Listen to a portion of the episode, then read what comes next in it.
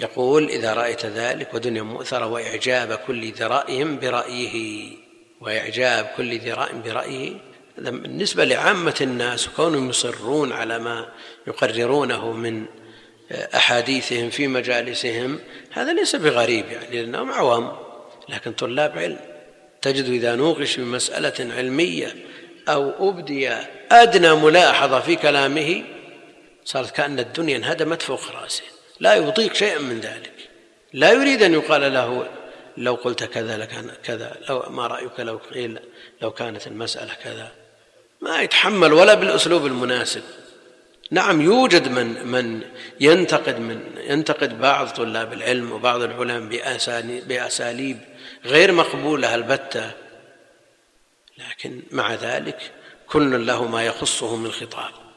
فالذي يلاحظ على أهل العلم ينبغي أن تكون الملاحظة بأدب وأن تلقى بأسلوب محبب بحيث يتأثر السامع وأيضا بالمقابل الطرف الثاني لا يعجب برأيه فليس بالمعصوم.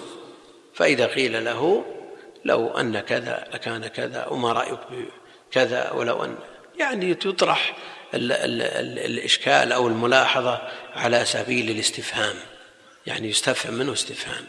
وإلا هذا حقيقة أمر مقلق ونسمع من الردود شيء تقشعر منه الأبدان ونجد الثقل في إبداء الملاحظات هذا موجود نسأل الله السلامة والعافية عندنا وعند غيرنا من طلاب العلم لأن المقاصد مدخولة. يعني أين نحن من قول الشافعي؟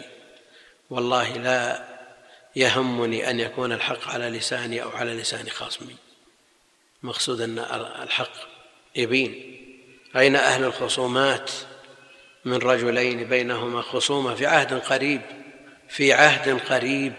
بينهما خصومة. يقول لا داعي أن نذهب أنا وأنت نعطل مصالحنا إلى المحكمة. أن تعرف القضية واشرحها للشيخ واللي يقول لك هو الحكم. فذهب إلى القاضي وشرح له القضية قال الحق لخصمك وانتهى.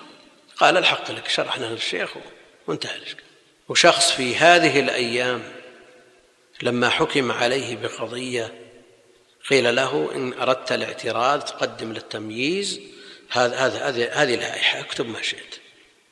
فانكب على الماصة يبكي أنا أعترض على حكم الله؟ والله جل وعلا يقول فلا وربك لا يؤمنون حتى يحكموك فيما شجر بينهم ثم لا يجدوا في أنفسهم حرجا مما قضيت ويسلموا تسليما. أنا أعترض؟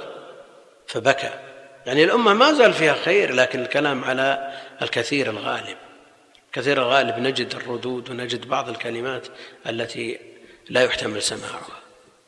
نعم هذه قد تكون هذه طبيعة البشر مجبولين على هذا لكن ينبغي أن تكون الطبائع مسيسة ومأطورة بأوامر الشرع.